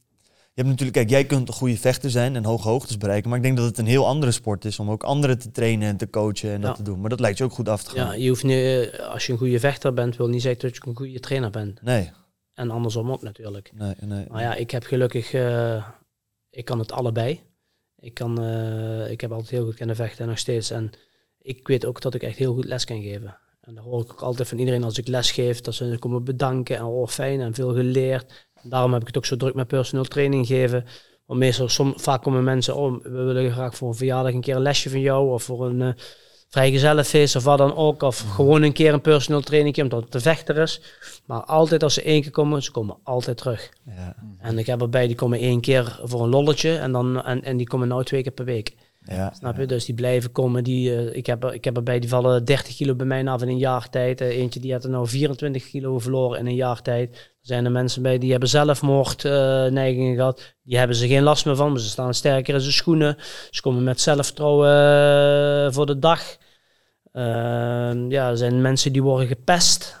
Kinderen die worden gepest, die komen bij mij. eh, en dat wil niet zeggen dat ik een soort van dokter ben, maar ik weet wel zeker dat ik eh, hun echt hier tien keer sterker maak. ja, een stukje fysieke weerbaarheid zorgt Zeker. dat je sterker zeker. in Je hebt leven erbij, die komen hier met de staart tussen de benen binnen. Ja. Als ze een jaar bij mij trainen, dan hebben ze voor zelfvertrouwen en dan eh, ze laten zich niks meer zeggen. Ze kunnen meer hebben. Mhm.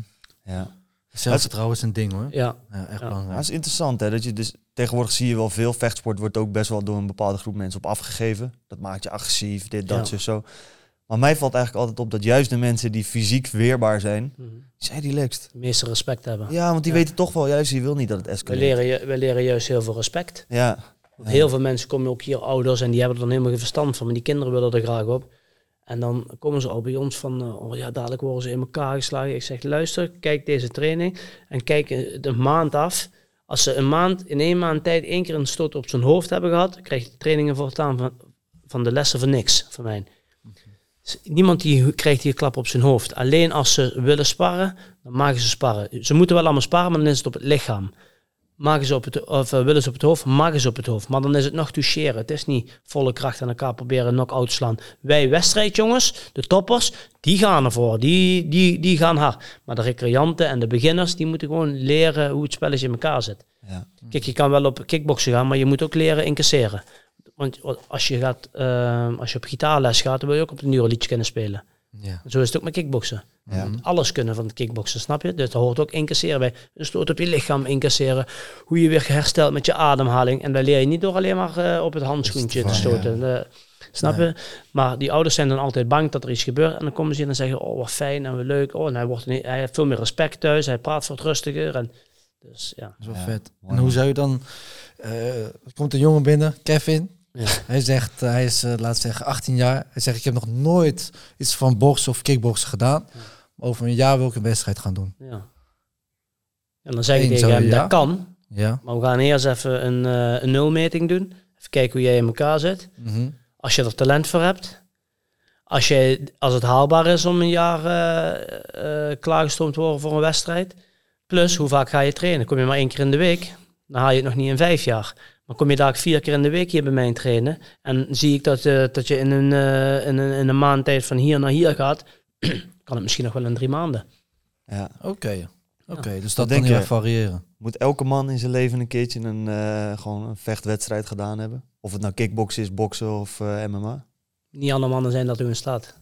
Nee, ja. Oké. Dus ik kan wel zeggen, elke man moet, hè, maar eh, er zijn ook veel mannen die, eh, die er niet uitzien als een man of zijn eigen gedrag als een man, snap je? Dus Ja. als je snapt wat ik bedoel. En vooral tegenwoordig, eh, Ja, tegenwoordig is het eh, allemaal... eh, Met die gender-neutraal dingen allemaal. Ja, je, Ja. je hoort niks anders meer. Dus ja. ja, ja. Morgen was er weer iets op het nieuws dat er niet meer gezegd mag worden in, in de klas door een leraar. Goedemorgen, jongens en meiden. Oh, oké. Wat dan nu? Ja, is dit in Nederland echt zo'n ding ook? Ja, het begint nou, ja. Ja, ja, Ja, ja. man, het begint best wel... Maar dat mag niet meer zeggen, en je mag niet meer brand. Ze willen dat je daar niet meer brandweerman en brandweervrouw zegt, maar of politieagent, politieman en politievrouw. Nee. Het moet voor het zijn eh, politiekracht of brandweerkracht. Ja, ze maken zich denk Ja, ik ik, druk om de eh, verkeerde dingen. ja. ja. Het is Rare agenda.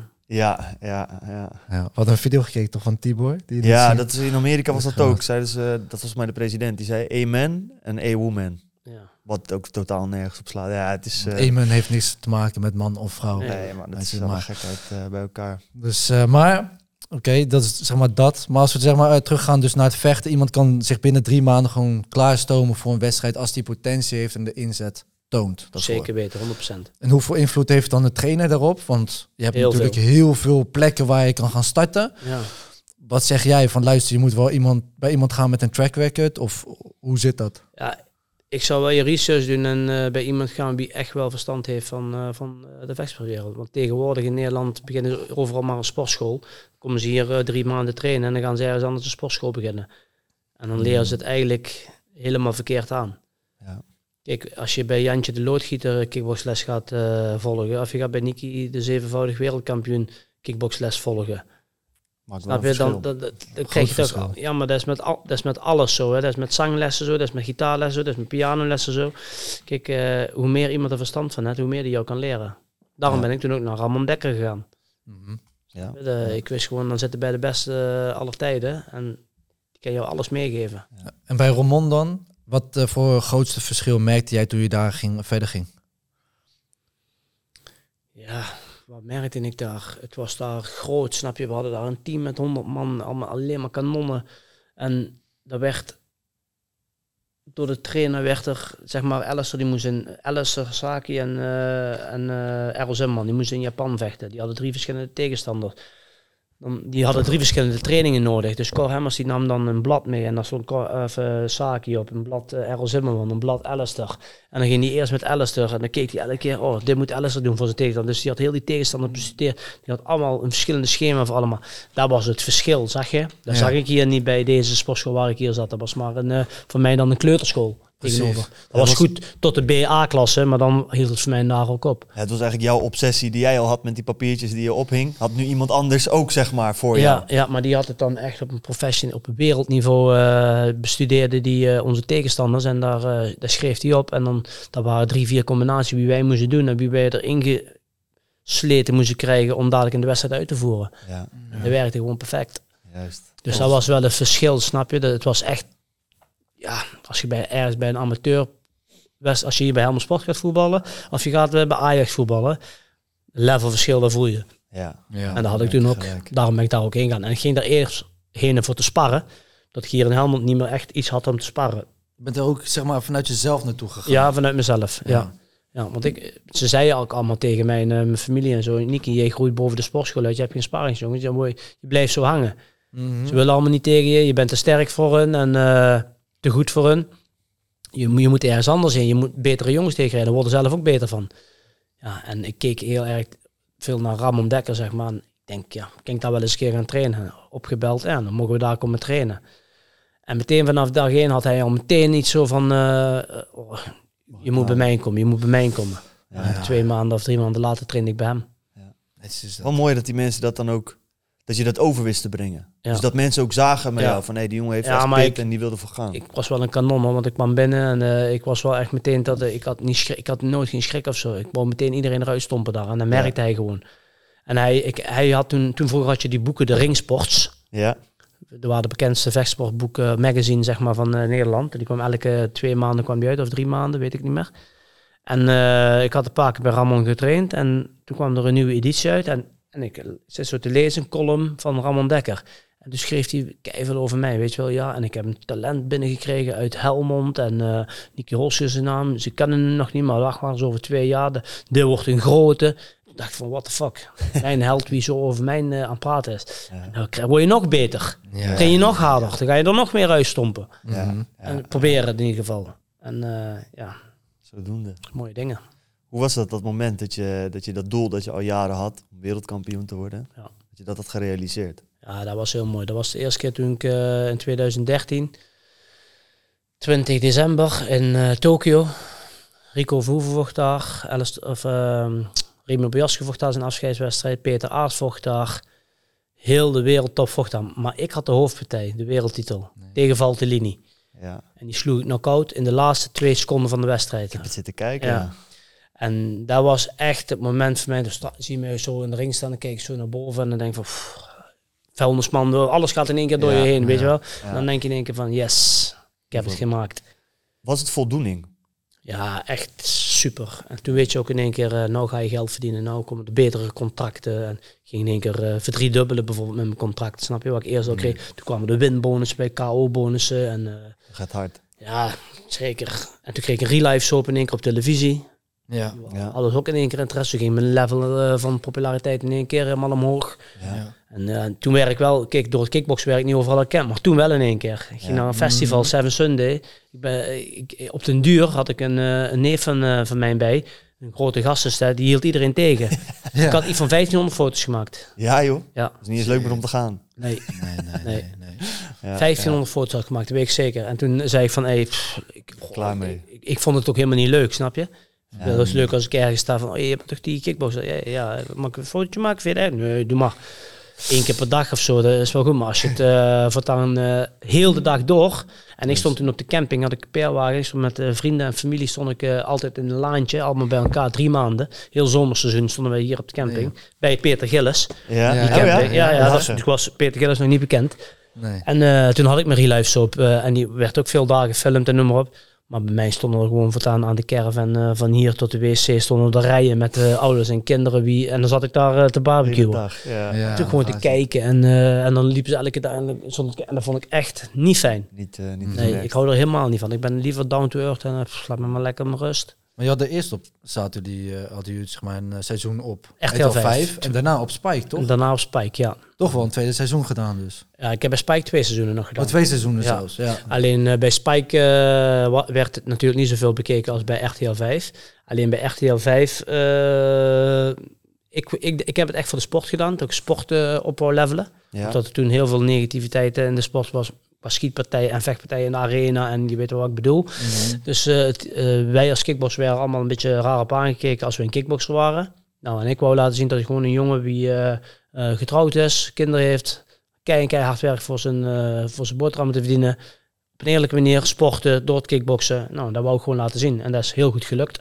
Want eh no, no, vijf- even kijken, zeven jaar geleden, nog steeds vragen mensen mij wanneer weer een real life soap. En dus toen had ik er geen zin meer in, omdat, eh, maar nou zou ik het wel weer willen. Nou lijkt Ja. het me wel weer leuk. En dan eh, weer eh, einde van de carrière, begin van de sportschool met mijn zoontje. Dus Ja. nou, nou lijkt het me wel weer leuk om weer zo'n real life soap te doen. Een paar mooie verhaallijnen weer die je Ja, eh, kan ja. oppikken. Ja man.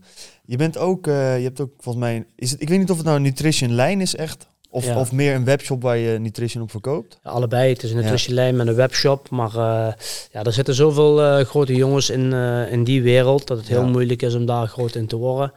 En ja, als, ik, als ik er altijd mee door zou blijven gaan, kan ik nog niet zeggen. Nee. Zou het wel willen. Ik had gehoopt dat het veel beter ging lopen. Maar ja, ik ben ook niet zo'n jongen eh, als de andere grote wie zijn eigen heel dag loopt te filmen. En eh daar moet je ook een persoon voor zijn. Dat ben ik niet. Ja, Mhm. En eh, ja, dus het is een heel mooi concept. We hebben alles. Ja. Wordt elke dag besteld. Eh, alleen, eh, ja, ja. Je filmt jezelf kan er dan niet van leven. Hm? Je filmt jezelf dan niet, maar tenminste, wat voor andere promotie doe je dan wel? Bijvoorbeeld qua marketing. Is het, eh, doe je wel bijvoorbeeld iets qua reclames of advertenties? Ik of- doe heel veel eh, eh, werken met eh, kledingmerken samen. Mhm. ja, Uh, Emil Lions, juist. Frankie's Men's Store in Breda. Ja. Die twee, daar werk ik heel veel mee samen. Ik heb uh, meer Lions beloofd dat ik niet met andere sportmerken of eh, merken wie op jullie lijken we- samenwerk. Maar ik werk wel met Frankie's Men's Store eh, samen, want dat is meer een, eh, een eh, hoe zeg je dat? Classy, eh eh, classy line, meer. Italiaanse eh, stijl, zeg maar. Ja, Daar heb ik toen ook met meer Lions over gehad en ja, dat werkt perfect. kijk. Dus daar haal ik ook weer mijn, eh, mijn, ja, mijn, mijn, hoe zeg je dat, mijn kosten uit. Juist. Ja. Hoe, komt zoiets tot stand? Want wij hebben Thijs natuurlijk ook gesproken. Appen mijzelf. Ja. Ja. ja. Ik ken Thijs al vanaf, had hij nog een ander bedrijf.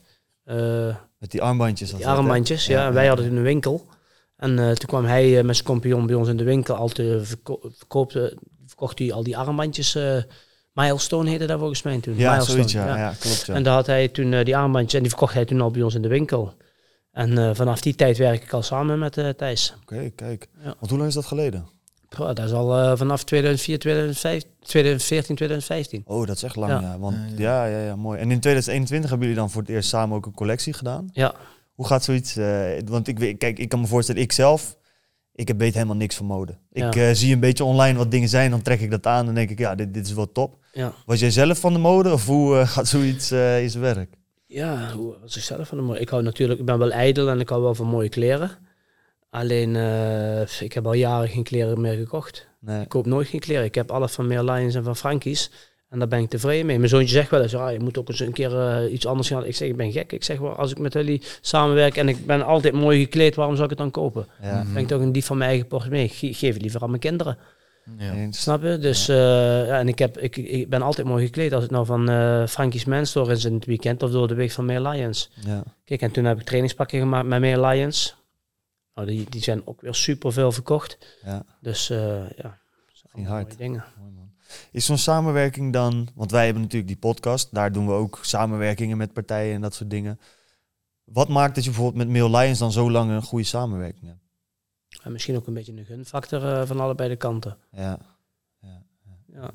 mooi man. En eh, als iets goed is, eh, waarom zou je het veranderen? Eens. Ja. Kijk, of er, of er moet een ander eh, merk komen wie zegt tegen mij, ja, je krijgt een betaalde samenwerking en je krijgt eh, een miljoen per jaar. Ja, Ja, ja, dan is het anders, snap je wat ik bedoel? Ja. Maar zo op deze manier zoals het nou gaat, eh, gaat dat gewoon super. Ja. Ik, eh, ik krijg zo vaak eh, spullen van meer lines binnengestuurd en wist ik nog niet eens dat er iets op, op me afkwam. Dat vind ik gewoon, Top. staat er weer in één keer een doos binnen, maak ik door op. Helemaal van mijn meer lines, patches, slippers, broeken, truien, trainingspakken. Ja, voor mij is dat gewoon super. ja, Dus eh, af en toe pak ik kleren uit de, uit de kast en hang het kaartje er nog aan. ja, ja, Mm. ja, ja, ja. Dat is leuk, hè? De vrouw zegt ook van, eh, pff, dat is niet normaal man, Eh, lijkt wel een wijf, zegt ze met al jouw kleren. ja, maar En moet je het gewoon dragen? Het is gewoon dragen.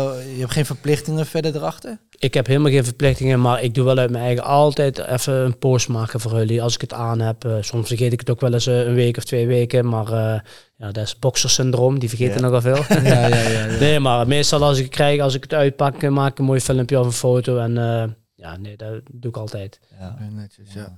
ja. We gingen volgens mij ook in samenwerking met Mail Lions nog een eh, giveaway doen bij deze aflevering. Ja.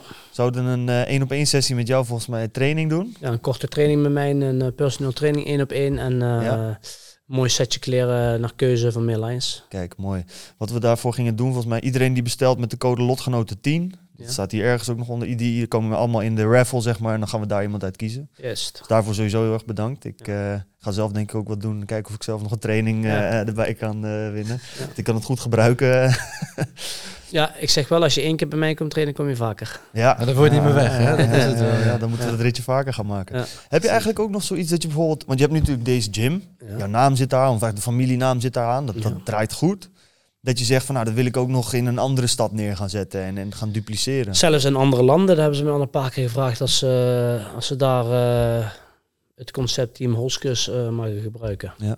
En zeg je van dat wil ik wel doen of, of voelt dat gek? Ja, het voelt niet gek. Het vind ik wel, het zou wel vet vinden om eh, over heel de wereld eh, verschillende sportscholen te hebben. Ja. Ze hebben al een keer eh, in eh, Australië gevraagd. In Amerika hebben ze het al een keer gevraagd. In Polen. En, ehm, eh, even kijken, waar was ik laatst? Eh, in Boekarest. Daar hebben ze toen ook gevraagd. Kijk eens aan. Dus het zou wel gaaf zijn als je één soort van Team Holske hebt of verschillende dingen. Maar ik vind, ik ben daar overal geweest. Ik heb die trainers zelf ook les zien geven. En dat is niet mijn kwaliteit, Nee. vind ik zelf. En ik sta wel voor kwaliteit. En ik kan niet op al die plaatsen eh, tegelijk zijn. Nee. Mhm. Dus als ik dadelijk eh, waarvan die frikandellen die vechten daar in het buitenland op eh, YouTube met overal met Team Holske op zijn rug. En dat, niet mijn, dat dat niet mijn stijl is. Kijk, dan komen er weer voor mij heel veel verplichtingen aan. Want dan wil ik dat eh, zulke mensen bij mijn eh, stages komen lopen, die trainers. En ja, dat, Er komt veel bij Eh, kijken. er komt heel veel bekijken. Heel veel hoofdpijn. Kijk, je Ja. kan het voor het geld doen en eh, iedereen eh, jouw maandelijk staat te betalen om jouw naam te mogen gebruiken. Ja. Maar wordt de kwaliteit daarvan beter? Dat, dat weet ik niet. En ook hoeveel gaan ze dan betalen als de kwaliteit al niet daar is? Dat bedoel ik. Zijn er vechters die dat succesvol gedaan hebben? Die zeg maar met hun naam echt eh, allemaal gyms eh, overal neergezet hebben? Nou, volgens mij. eh, Want je hoort vaak Nee. inderdaad wel één gym waar zij dan Ja. zelf bijvoorbeeld trainden en dat Ja. dat dan succesvol, maar Nee, je had vroeger wel Golden Glory Rusland, Golden Glory Amerika. Dat Ja. had je wel dan. ja. Alleen daar zag je het ook al. Daar zag je ook al dat er heel veel van die frikandellen op andere locaties trainden. Ja, Ja. En daar wil ik mijn eigen een beetje, daar wil ik mijn naam een beetje voor beschermen. ja, ja. snap ik. Kijk, enige- in Nederland zal het wel kunnen. In Nederland zal er wel meer teamholsters kunnen komen. Bijvoorbeeld Team Holster Amsterdam-. Kijk, en die, die zijn binnen twee uurtjes hier. En die kunnen met mij eh, één keer in de maand eh, stage lopen. En dan kan ik zeggen, ik wil dat die logic zo gegeven wordt. En die dekking zo gehouden wordt. Ik wil dat een hoek zo gegeven wordt. Ik wil, dit is mijn stijl. Deze combinaties moet je veel op hameren. Deze, ik ben een countervechter. Op deze counters moet je heel veel werken. Kijk, en als ik, ik weet zeker, dat concept kan wel heel goed lopen. Want dan krijg je toch de Nicky Holske stijl in die sportscholen. Snap je? Ja. Ja. Ja. Ja. Heb je dan ook dat als jij... komen hier bepaalde vechters en je ziet gewoon dat het niet echt jouw stijl is, maar ze hebben wel veel potentie. Ja, maar dan dat ook duurt drie, vier jaar voordat ze mijn stijl helemaal onder de knie hebben. En Ja. dat heb ik vaak zat eh, al gehad. Ja. Ja. Dus, dat, dus ze kunnen zich daar wel zeker, gewoon aan aanpassen. zeker. Ligt ook aan hun. Hè. Wa- wa- meestal als ze bij mij komen trainen, willen ze toch al alles doen om met mij te komen trainen. Mhm. Bijvoorbeeld beginnende profs of eh, die, willen, hier- die komen hier niet voor niks trainen. Die komen hier trainen omdat ik of hier zelf mee train of zelf les geef. Snap je? En dan komen ze hier en dan leren ze kleine dingetjes en dan zeggen ze allemaal, oh, dankjewel, daar heb ik al, eh, dat, dat, ze daar, maar ook vanuit het buitenland, hè, hebben ze dan veel respect voor. Kijk, en als ze dan een paar maanden hier trainen, dan zie je die dingen onder het sparren, als ik aan het kijken ben, zie je die dingen waar ik wil zien, zie ik al terugkomen. Kijk, en dan, en dan zeg ik ook altijd, het duurt ongeveer drie tot vier jaar, als je mijn stijl helemaal onder de knie wil hebben. Ja. Egoïstische vraag, hè? Wat is in eh, Utrecht omgeving een goede gym om te trainen? Ik denk SB Gym. SB. Oké, Ja. goeie. Ga ik dat, eh, want Ja. ik heb wel eens bij andere gyms getraind, boksen meer. Maar je hebt, dat merk ik ook best wel wat van die huistuin- en keukenbox-gyms. Ja. Weet je wel, dan ga je een beetje op de zak rachen. Ja. Ja. je gaat een beetje standaard combinaties doen, maar je leert geen techniek. Je leert, ja, je leert Ja. niet echt de, de sport begrijpen. Ja, ja, ja. en dat vind ik dus om- heel belangrijk. En Ja. ik heb het in januari heb ik heel de sportschool overgenomen. Is het helemaal van mij geworden. Eerst was het van chef en mij. En dan Ja. heb ik het helemaal overgenomen. En eh, vroeger, zeg maar, eh, zeg maar, afgelopen december was het nog een systeem van eh, eh, half acht tot negen trainen. Keihard, keihard trainen en eh, iedereen weer naar huis. Maar dat trainde bijvoorbeeld eh, jij beginwedstrijden, die trainde daar en ik trainde daar. Ja. Dus jij kreeg eigenlijk de training wie ik krijg. Wie jij helemaal niet nodig hebt, want je snapt er geen ballen van, want die training is veel te moeilijk. Nee, Snap je? Dus ik heb meteen gezegd, ik ga het helemaal anders aanpakken. Ik ga de trainingen iets korter maken, maar effectiever. Ehm, bijvoorbeeld eh, van half zeven tot half acht train ik, train ik zelf de recreanten. Daar, daar kennen eh, wedstrijdvechters op den duur uitkomen. Daar zie, eh, er zitten ook maar jonge gasten bij die nou wel steeds beter worden. Dus die kunnen daar misschien dan naar die andere groep. Dat is een uurtje later. Dat is mijn groep. Waar ik zelf in train. Dat zijn alleen maar wedstrijdjongens. Maar die wedstrijdjongens die hebben andere training nodig als die recreanten. Recreanten moeten de basis leren. Die moeten leren hoe ze moeten trappen. Net wat je net zelf zegt. Hoe ze moeten stoten. Dus die kunnen niet meteen mee met onze groep. En daar heb ik uit elkaar gehaald. En dan zie je wel dat eh, het, het, het level meteen beter maakt. En ook de sparringskwaliteit wordt steeds beter, nou steeds beter. Want we hebben een iets kleinere groep. Kijk, als er eh, 80 man op de mat staan, of er staan er 40 op de mat. Dat is voor de trainer beter om 40 man die aan het sparen zijn in de gaten te houden, dan 80 man, waar de helft niks van kent. Ja.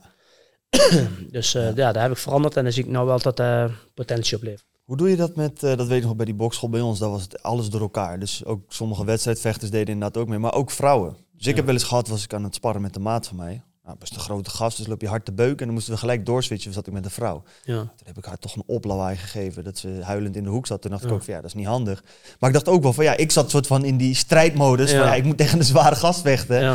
Ik sta, draai me om en ik moet tegen iemand die 30 kilo lichter is, bij wijze van spreken. Doen jullie dat hier ook of maken jullie daar onderscheid in? Dat doen we hier wel, maar iedereen die geen wedstrijden vecht, die moet wel sparren. Mogen, als ze niet op het hoofd willen, hoeft het niet. Willen ze wel op het hoofd en ze zijn onder de 18, wil ik dat ze een helm dragen. ja, Daarna, ja, eigen keuze. Want ik heb ook een hekel aan een helm dragen, want ik word met een helm veel meer geraakt als zonder helm. Je ziet geen moer.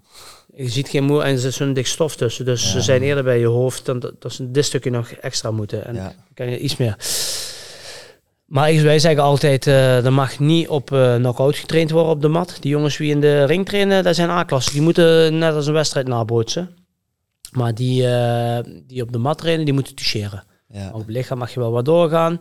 Maar eh, ben jij 100 kilo en de andere 70 kilo ga je eigen inhouden, ga je op snelheid werken. Ja. Dus eh dan moet wel, het moet wel. Ik heb het liefst dat niemand met blessures weggaat of met klachten. ja. Dat wil ik.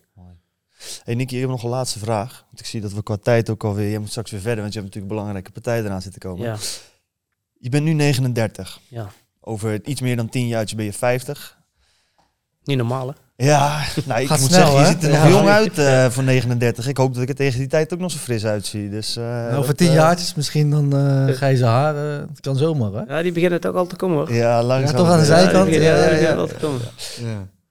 Wat hoop je te doen over 10 jaar? Waar hoop je mee bezig te zijn? Ja, waar hoop ik mee bezig te zijn? Ik hoop sowieso echt bezig te zijn met wat ik altijd meegemaakt heb. Dat trainers met mij in de wereld over reizen. Dat, dat is echt mijn doel ook om dadelijk twee of drie of vier goede vechters te hebben. Waar ik mee bij Glory zit, bij One Championship. Waar ik mee over heel de wereld reis, zeg maar. Om, om, om, om, om jullie weer het mee te laten maken wat ik meegemaakt heb. Dat is wel een van mijn doelen. En ik hoop gewoon dat ik een heel goede sportschool eh, draaiende hou. En dat is steeds groter groeien. En misschien in de toekomst ooit een mooier pand, een luxer pand met alles erop en aan, fitness en sauna's. En dat, dat is echt mijn droom waar ik eh, van droom. Ja. En eh, maar op dit moment zit ik eh, wel heel goed hoor. En eh, ja, daar hoop ik over eh, elf jaar eh, te bereiken. Mooi man. Kom een keertje kijken over 11 Ja. jaar. eh. Ik hoop het. Dus Top. daar heb je wel echt een plan voor ook. Of is het nog een beetje aankijken hoe het allemaal gaat lopen? Aankijken hoe het gaat lopen. En eh, mijn plan is wel echt om een goede recreante basis, ook wedstrijden, maar ook vooral recreanten, want dan moet je het echt financieel van hebben. Ja. Dat je een goede grote groep recreanten hebt en een small groep trainingen en een, eh een kettlebell training en een vrouwentraining en misschien eh, trainingen voor bedrijven en allemaal die dingen. Ja. Voor bedrijven is zeker lucratief. eh. Zulke dingen, ja. ja, zeker. ja, ja. Of een politieteam, of een, eh, of een beveiligingsbedrijf waar je extra aandacht gaat geven, hoe ze met stress om kunnen gaan en Ja. die dingen. De, Want wat is dan, eh, stel, hè, we hebben straks, eh, dit komt live te staan. Dan weet ik sowieso al dat er een paar mensen denken van, nou, het is wel interessant. Ik wil wel eh, sowieso een proefles meedoen. ja. Misschien wel ook wel een één op één sessie. Wat, voor wat voor eisen heb jij dan voor een één op één sessie? Of zeg je gewoon van, nou, iedereen kan er gewoon aanmelden? En, Iedereen, van jong tot oud, van dun en dik, van, van wit tot zwart. Iedereen kan bij mij terecht. En iedereen die wordt eh, door, mijn, eh, door mij zelf getraind. En ik begin bij nul. Ik kijk hoe jij, als jij al een eh, profvechter bent of een goede ervaren kickboxer, dan weet ik al meteen hoe ik met jou ga werken. Meer op conditie, meer op snelheid, techniek iets aanpassen in mijn gedachten hoe ik het, het wil hebben. Maar er komen er hier ook bij, die, hebben, die weten niet als ze de handschoen eh, nou hier aan moeten of hier aan moeten. Ja, ja, ja, die heb ik er echt bij. hè? Of, of, sommige die ik een hele training eh, moet leren waar links wegstappen is en weg, rechts wegstappen. Dus, maar daar, daar kijk ik gewoon per persoon. Mm, Snap je? Ja, En ik vraag ook altijd, wat wil je? Wil je een wil je prof worden? Wil je wereld, heb je een doel om wereldkampioen te worden? Zit dat erin? Nee, dat zit er niet meer in. Je bent alvast te oud. Wil je ooit een wedstrijdje boksen? Dan gaan we daaraan werken. Of wil je, kom je hier en wil je gewoon lekker eh, twee dagen in de week niet in een basic fit ergens eh, eh, tussen allemaal brede gasten voor de spiegel niet wetend wat je aan het doen bent eh, trainen. Of wil je lekker met mij komen trainen en dat ik jou echt, want ik doe eh, personal training geven, niet alleen maar boksen. Ik doe ook echt krachttraining, functionele training, conditietraining, intervaltraining. Ik doe gewoon probeer, ik doe rekken en strekken, buikspieren. Ik heb een computer, de DBTA, Digital Boxing Trainer Assistant. Die hangt daar aan de muur. Dat is een heel duur apparaat van Ron Rovers, van MuscleFit. Daar train ik ook heel veel mensen mee. Daar kan je alles bepalen, of eh, alles bekijken. De snelheid, de power die je hebt. Je kan eh, het eh nabootsen na vijf, zes weken als je daarop getraind hebt. Je, je maakt een, eh, je kent uitprinten. Je hebt een, eh, een, een keer daarop getraind. Je hebt een, eh, een nulmeting. Je ziet precies hoe sterk je op dat moment was. Hoe is het over zes weken? Als je zes weken vol gas getraind hebt, net voor een wedstrijd daar staat. Hoe sta je er dan voor? Dat scheelt gewoon 30, 40 procent in je snelheid en je power en alles. En je reactievermogen. wel Nice. vet. Dus je maakt het Ja. ook echt meetbaar. Juist. En daar hou ik wel van. Ja, dat is top. Dat is wel echt het enige zeg maar, wat ik vaak mis, bijvoorbeeld ook met fitness en zo. Ja. Moet je het zelf allemaal gaan bijhouden. Ja. Met, eh, in, in appjes en zo. Ja, wat dat betreft hou ik het hier heel goed bij. Want ik weet, eh, want sommige jongens komen dan hier en dan doe ik eh, daar een bepaalde training mee. En dan weet ik precies, oh, deze week konden ze zoveel drukken met één arm uitstoten. Wat kennen ze over vier weken? En dan zei ik altijd, oh, over vier weken geleden was je, kon je nog geen 10 kilo uitdrukken. Nou zit je op 18 kilo. Dan denk je bij, oh ja, fuck, ik word wel sterker en Graag. beter. Het duurt wel even, maar ja. Komt. Netjes. Man. netjes. Als mensen dat willen, heb je een website of iets? eh waar Ze kunnen mij gewoon altijd DM'en via Instagram. DM. Is goed, zetten we dat Ik hou even er in de zelf bij. beschrijving. DM mij via Instagram Ja, of nikiholske83.gmail.com. Dat is mijn mail. Ja. Mail mij en eh afspraak wordt meteen gemaakt. Want je Top. hebt, eh, wat is het, 226.000 volgers of zo? Ja, 266. 266.000. 66, nou, ik mis 40.000. Ehm ik krijg ba- waarschijnlijk best wel veel DM'tjes. Dat hebben wij nu ook al met eh Ja. meer Ja, ik krijg- 20.000. Ja. Ik krijg heel veel DM's, ook heel veel flauwekul. Maar ook eh, heel veel serieuze dingen over eh, bijvoorbeeld seminars. Ik geef over heel de wereld ook seminars. Vet. En ehm, ook heel veel over personal training. Ja, Ja, netjes. Mooi man. Goed. Top. Dus als mensen dat willen, staat het in ieder geval in de beschrijving. Ja, en dan krijgen ze meestal mijn telefoonnummer. En dan moeten ze voor zijn eigen houden. En dan kunnen ze me, als ze één keer geweest zijn, geven ze meestal mijn nummer. En dan appen Ja. ze me vandaan. Gewoon voor in te plannen. Precies. Oké, duidelijk. Mooi man. Mooi. Niki, Dankjewel. bedankt. Ja, jullie ook bedankt. Ben benieuwd, eh 10 juni, veel succes. Ja, Gaat dankjewel. helemaal goed komen, denk ik. Uh, Gastgever. Voor iedereen, lotgenoten team bij Mail Alliance, dan kan je kans maken op de giveaway. En eh, ja, heel erg bedankt man. En eh, succes. Kus. Ciao.